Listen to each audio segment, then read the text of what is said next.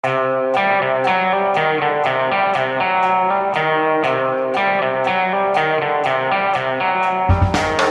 dramatiske tiltak mot korona, mens politikerne på Stortinget er mer redd for strømregningen. Dette er gjevre gjengen, Det er onsdag den 8. desember. Og det er den datoen hvor i 1980 Mark Chapman skjøt ned og drepte eh, John Lennon utenfor Dakota-bygningen i New York. Tone Sofie, du er for ung til å huske det, du kanskje? Eh, ja, jeg håper ja. det. du håper at du ikke husker det?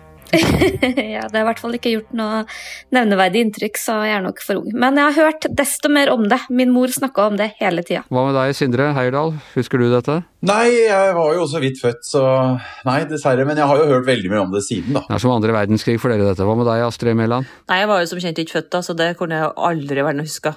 Det er bare gamle Anders som eh, husker dette her. Men skal jeg si dere, det var litt av en dag. Jeg bare løy, uh, Anders. Jeg var født. Jeg bare løy. Du var født, ja? Ja, ja. ja. Godt og vel. Ok. Jeg, jeg, vet ikke, 1980 det er veldig lenge siden, så det er masse voksne folk som, eh, som ikke var født da. Så man vet jo aldri. Um, Ok, eh, vi skal snakke om andre triste ting. Eh, og først og fremst da de i går, eh, regjeringens pressekonferanse i går, jeg satt i et middagsselskap, og så begynte bare push-varslene å komme inn, og jeg får dem også inn på fitbiten min, så hele armen min satt og rista under, under middagen, fordi det kom stadig nye dramatiske tiltak, og det var push-varsler fra absolutt alle, Dagbladet, VG, NTB, NRK, alle sammen, Astrid. og jeg fulgte litt med med et halvt øye, men du som fulgte den tett, du sa etterpå at dette var mye mer dramatisk enn du hadde trodd? Ja, jeg syns at de innførte uh, strenge tiltak, ja. ja. Og jeg, ikke, uh, jeg var ikke helt forberedt på at de skulle bli så strenge. Ehm, de har jo inntil forrige uke snakka om at vi bare skal få på julebord, og at de ikke skal inn og regulere de private hjemmene, og så plutselig så kommer det altså eh, både spolerte barnebursdager og julebord framover. For min del så blir vel kanskje julebordet til helga avlyst, og barnebursdagen blir regulert Men, av staten. Eh, hva tror du, er dette politisk press, eller er det nødvendig? Ja, Vi var jo litt inne på det i forrige uke, at eh, Høyre har jo jazza opp stemninga noe voldsomt. da. Eh, det var jo før omikron eh, kom, men eh, de kritiserte regjeringa for å ikke innføre strenge nok tiltak. Nå vet jeg ikke, omikron har forandra situasjonsbeskrivelsen litt, tror jeg. Både FHI og Helsedirektoratet slår egentlig på stortromma nå. altså De er enig i at dette er svært alvorlig og ser for seg en topp på den pandemibølgen vi har nå i, på etterjordsvinteren. Og det er nesten litt skummelt i seg selv når FHI og og direktoratet er enige? Ja, det er jo litt uvanlig. For den ene etaten der bruker å dra i liberal, litt mer liberal retning, mens Helsedirektoratet bruker å øh, være dramatisk, da. Uh, så jeg tror at uh, det virker på meg som de faglige rådene har vært ganske samstemte her, og så har kanskje regjeringa vært litt usikker på hva slags nivå de skal legge seg på. Det er jo den tredje pressekonferansen på en uke. Eh, eh, så nå slo de vel kanskje ekstra godt og grundig til for å slippe å ha en, en fjerde pressekonferanse. Det er jo masse vitsing nå vet du, med dem på, på, på Twitter og sånn. og Folk spør om eh, hva gjør dere på lille tiltaksaften, og andre spør om det er fri på første tiltaksdag. og altså antyde at det her er noe som skjer årlig. Så det var noen som mente at alle måtte sitte og brette munnbind på lille tiltaks, uh, tiltaksaften. Uh, Ton Sofie, du har fulgt med på Stortinget i dag. Der har det vært sånn spontanspørretime. og Eh, jeg holdt på å si Støre har slått skolerett, men eh, det virker som opposisjonen har fått tiltak nok nå. De er, de er fornøyd nå, det var ikke noe klaging? Det var eh, bitte litt klaging, men mye mindre enn jeg hadde trodd. For det som var veldig påfallende å se i går etter pressekonferansen, var jo at det røy jo inn med pressemeldinger fra den ene etter den andre om at regjeringa virka uforberedt, om at de var bakpå, og at det var en Frp kalte det til og med en rot og røre-regjering. Jeg tror de var veldig fornøyd med det Rot og røre med Jonas Gahr Støre? Eh, rimet sitt. Nå var det ikke noe veldig mye sånn eh, Det hang ikke helt på greip, den kritikken fra opposisjonen. For eh, KrF tror jeg antyda at de har gjort altfor lite, mens Venstre tror jeg mener at de har gjort for mye og burde tilstrebe en mer normal hverdag og en mer helhetlig plan. Men det har vært veldig mye kritikk, og det har jo også vært fra Høyre i forkant. og det, det, sies jo at Arbeiderpartiet har følt seg veldig pressa av at særlig Høyre har um, etterlyst så mye strengere tiltak, men de var um, atskillig spakere i spørretimen. Aner jeg en viss uh, sympati for regjeringens noe vanskelige posisjon hos deg nå? Ja og nei. Jeg tror det er utrolig mye mer krevende å kommunisere enhetlig nå enn det var for halvannet år siden. For det første så er det en helt annen frykt i befolkninga. Jeg merker det når jeg snakker med folk at Eh, de fleste gjør jo som man blir eh, fortalt, og man tar nå på det munnbindet og forholder seg til regler, men, men der man før gjorde det liksom eh, av frykt, og folk var, folk var, liksom virkelig redd for å være i nærheten av folk, og, og sånn, så er det jo ikke sånn lenger. De aller færreste er jo redde, og vi har fått vaksine og har jo sett at det har gått relativt greit. Så det, det, gjør noen ting med stemninga. Men, men jeg syns også at det, er, at det, er, et helt annet klima for å stille kritiske spørsmål, og at de må begrunne tiltakene sine. Og det mener jeg er helt betimelig, at man også skulle gjort det i større grad tidligere. Men Astrid, når regjeringen da har hatt sin tredje pressekonferanse på en uke, så er det jo ikke fordi de liksom hele tiden ombestemmer seg, det er jo fordi situasjonen har eh, eh, påkrevet det. Altså smitten har spredd seg mye, mye raskere, og vi vet ikke nok om uh, omikron og sånn. Det hadde vært, hadde vært, ganske galt om de bare sto på det de sa på liksom, pressekonferanse én, når terrenget er blitt et helt annet. Ja, jeg vet ikke helt det, Anders. Det er jo ikke noen som er innlagt med omikron ennå, så vidt jeg vet. Og det er ingen som er blitt alvorlig syk. Så det er jo mest en føre var-greie der, for de er så usikre på hva den varianten eh, skal gjøre med oss. De tror, det de er redd for, er at den er kjempemye mer smittsom. Eh, sånn at alle omtrent får det på kort tid. Eh, altså Da er det ikke så greit, sjøl selv om den er mildere eventuelt, så vil det bli mange på sykehus likevel. Du tror ikke egentlig disse tiltakene er nødvendige? Ja, Det gjenstår å se på den, eh, om de finner, noe, finner, ut noe mer når de finner ut noe mer om omikron-varianten. Men det er jo ikke noe som har forandra seg så voldsomt på den uka som har gått med de tre pressekonferansene. Da. Vi kjente jo til omikron allerede da Støre var på talerstolen i Stortinget tirsdag, var det vel, forrige uke, og fortalte om den nye strategien. Eh, som nå kan fort eh, vise å gå i vasken hvis eh, omikron er skikkelig hissig. Det har ikke skjedd så, så, mye nytt. Vi vet ikke så mye mer. Hovedproblemet da var jo at vi har for mye smitte i samfunnet, deltasmitte, altså. Så ja, de kunne jo kanskje slått hvis de I etterpåklokskapens lys hadde det kanskje vært likere å innføre de tiltakene vi har nå allerede da. da. Vanligvis så sier jo ekspertene at en skal vente i to uker. Eh, for å se om tiltakene virka. Men nå fikk de vente i ja, Oslo fikk vente i to dager, da? Ja, og vi, og vi ser, Sindre, at uh, Oslo Børs har hatt solid oppgang etter at disse tiltakene kom. Det, hvordan forklarer vi det? Ja, altså Investorene både på Oslo Børs og der ute i den store verden, de uh, reagerer jo først og fremst uh, på hva de tror fremover, på ryktene, før vi vet noe. Og eh, ja, skal vi tro de? Altså, man skal jo vektlegge litt hvor folk eh, putter pengene sine, for det er jo noe av det mest ærlige folk gjør. Eh, og, og, der er altså stemningen nå at dette skal gå ganske greit. Eh, det har ikke vært noe blodbad på børsene, og selv når det falt eh, som mest når det ble kjent, så var det ikke så forferdelig ille. Altså, Oslo Børs hadde sin beste dag i år ja. Eh, i går. Og går, Så, har gått ytterligere opp i dag. Ja, Vi får vel alle håpe at ja. investoren er inne på noe. Da. hva slags test av politikken er dette her, Tonsvi? Det er jo en stresstest som vi nå har vært gjennom i nesten to år. Så viser det seg altså at økonomien går ganske bra, selv om diverse bransjer sliter og går over ende. Hva, hva sier det egentlig om politikkens mulighet til å påvirke de økonomiske realitetene? Det var et veldig vanskelig spørsmål, Anders. Jeg er helt enig, men jeg er sikker på at du klarer å si noe om det. da tror jeg jeg tar og bygger en bro over det noe jeg har lyst til å si. Nemlig at eh, jeg mener jo at det er et sunnhetstegn for den offentlige debatten at eh, vi nå har en en helt annen opposisjon og mye mer kritiske medier, enkeltpersoner som stiller spørsmål ved hva regjeringa gjør nå.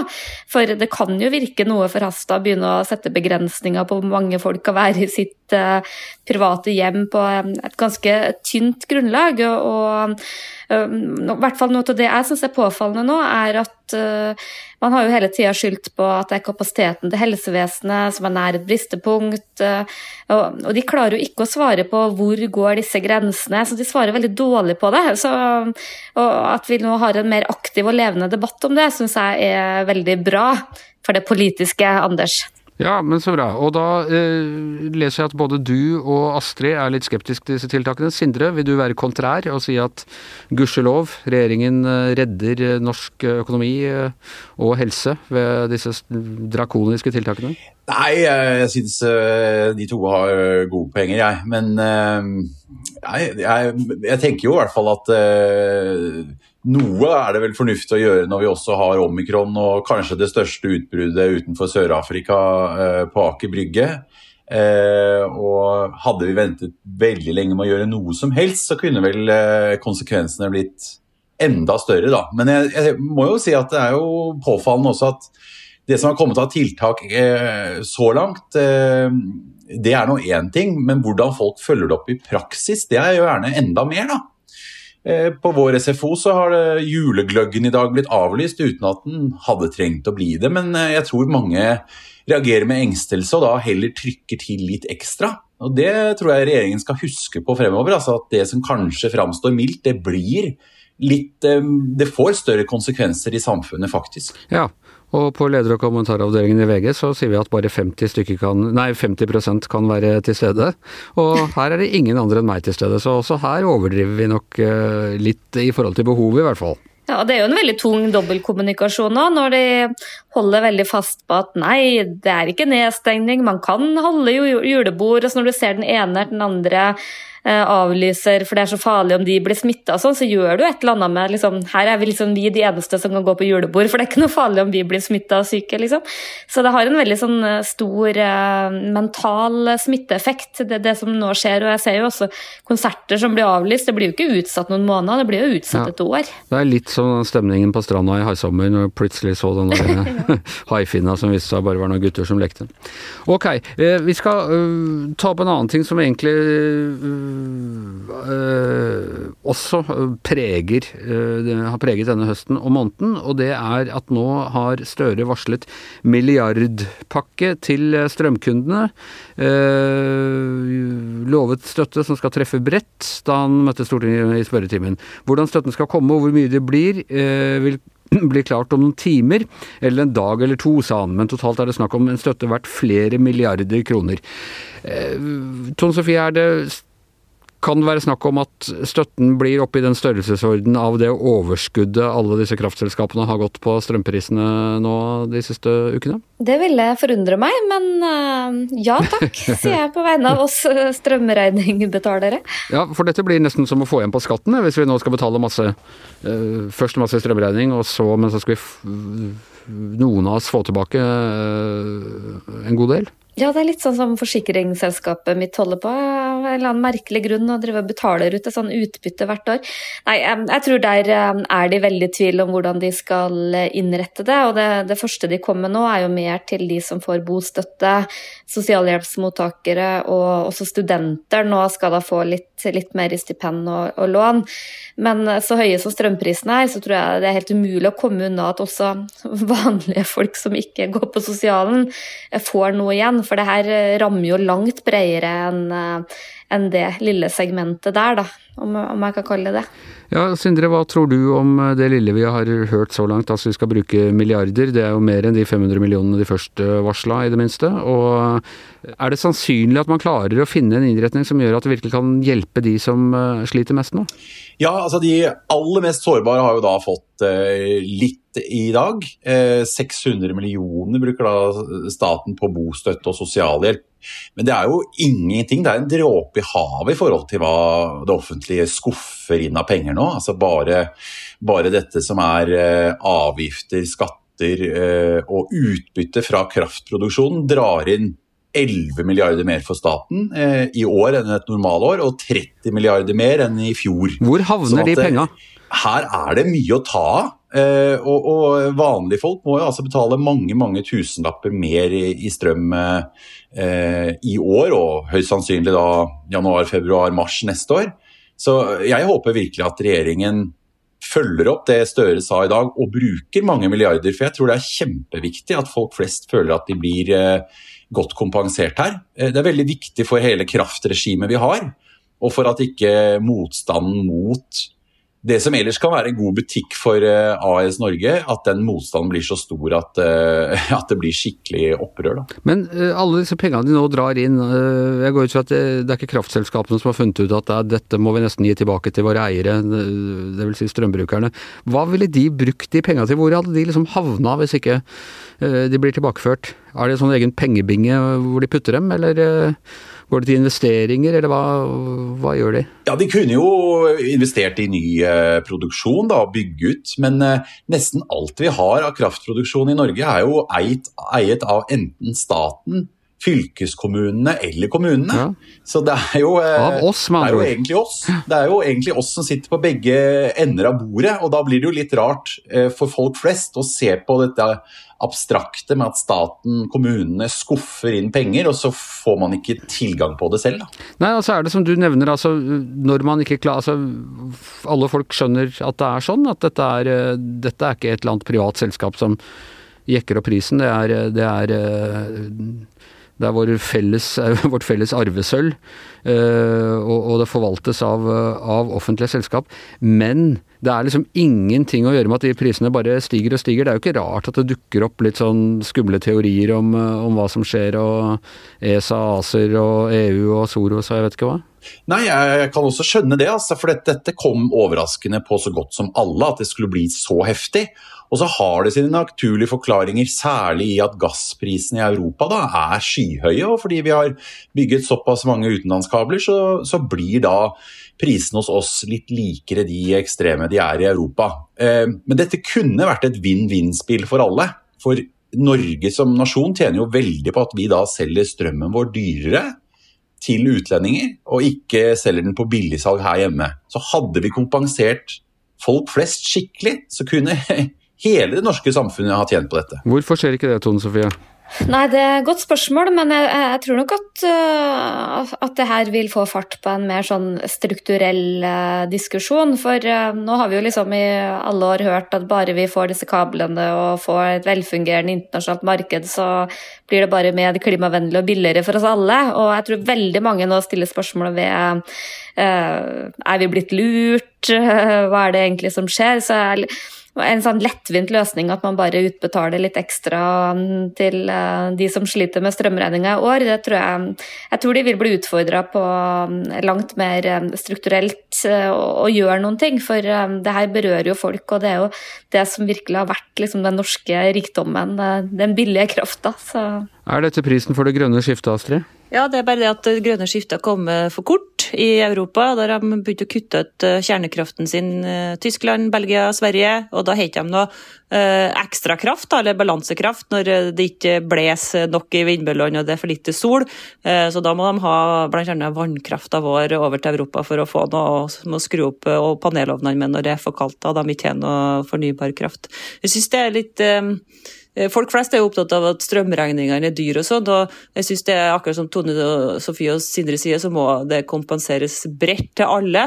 Eh, argumentet der nå er jo liksom at ellers så kommer klimapolitikken eh, til å være i fare. Men det er jo så mange andre agendaer her, og det er jo så morsomt. fordi det er jo mange som ikke har noe ønske om at vi egentlig skal kompensere folk flest, for det mange vil er jo ut av EU, ut av ACER, kutte kablene, legge om strømsystemet, få staten til å overta osv. Så, Men for folk flest så er det jo en kjempefin løsning hvis de kan få en sjekk til jul. En fet en. Ja, det er litt sånn Donald Trump-måte å gjøre det på. Han sendte sjekker og insisterte på å undertegne dem eh, sjøl. Men uh, bare hva som helst, bare man får ned de strømprisene. Og så vet vi altså ikke hvordan innretningen blir på de ordningene som Støre har varsla, men det er jeg helt sikker på at det kommer vi til å snakke om mer her i Gjevrøy Eh, vi er slutt for i dag. I hvert sitt hjemmestudio. Tone Sofie Aglen, Sindre Heyerdahl, Astrid Mæland. Jeg sitter her i studio og heter Anders Giæver, og mannen som sørger for at du kan strømme denne podkasten til en billig penge fremdeles, det er som vanlig produsent Magne Antonsen.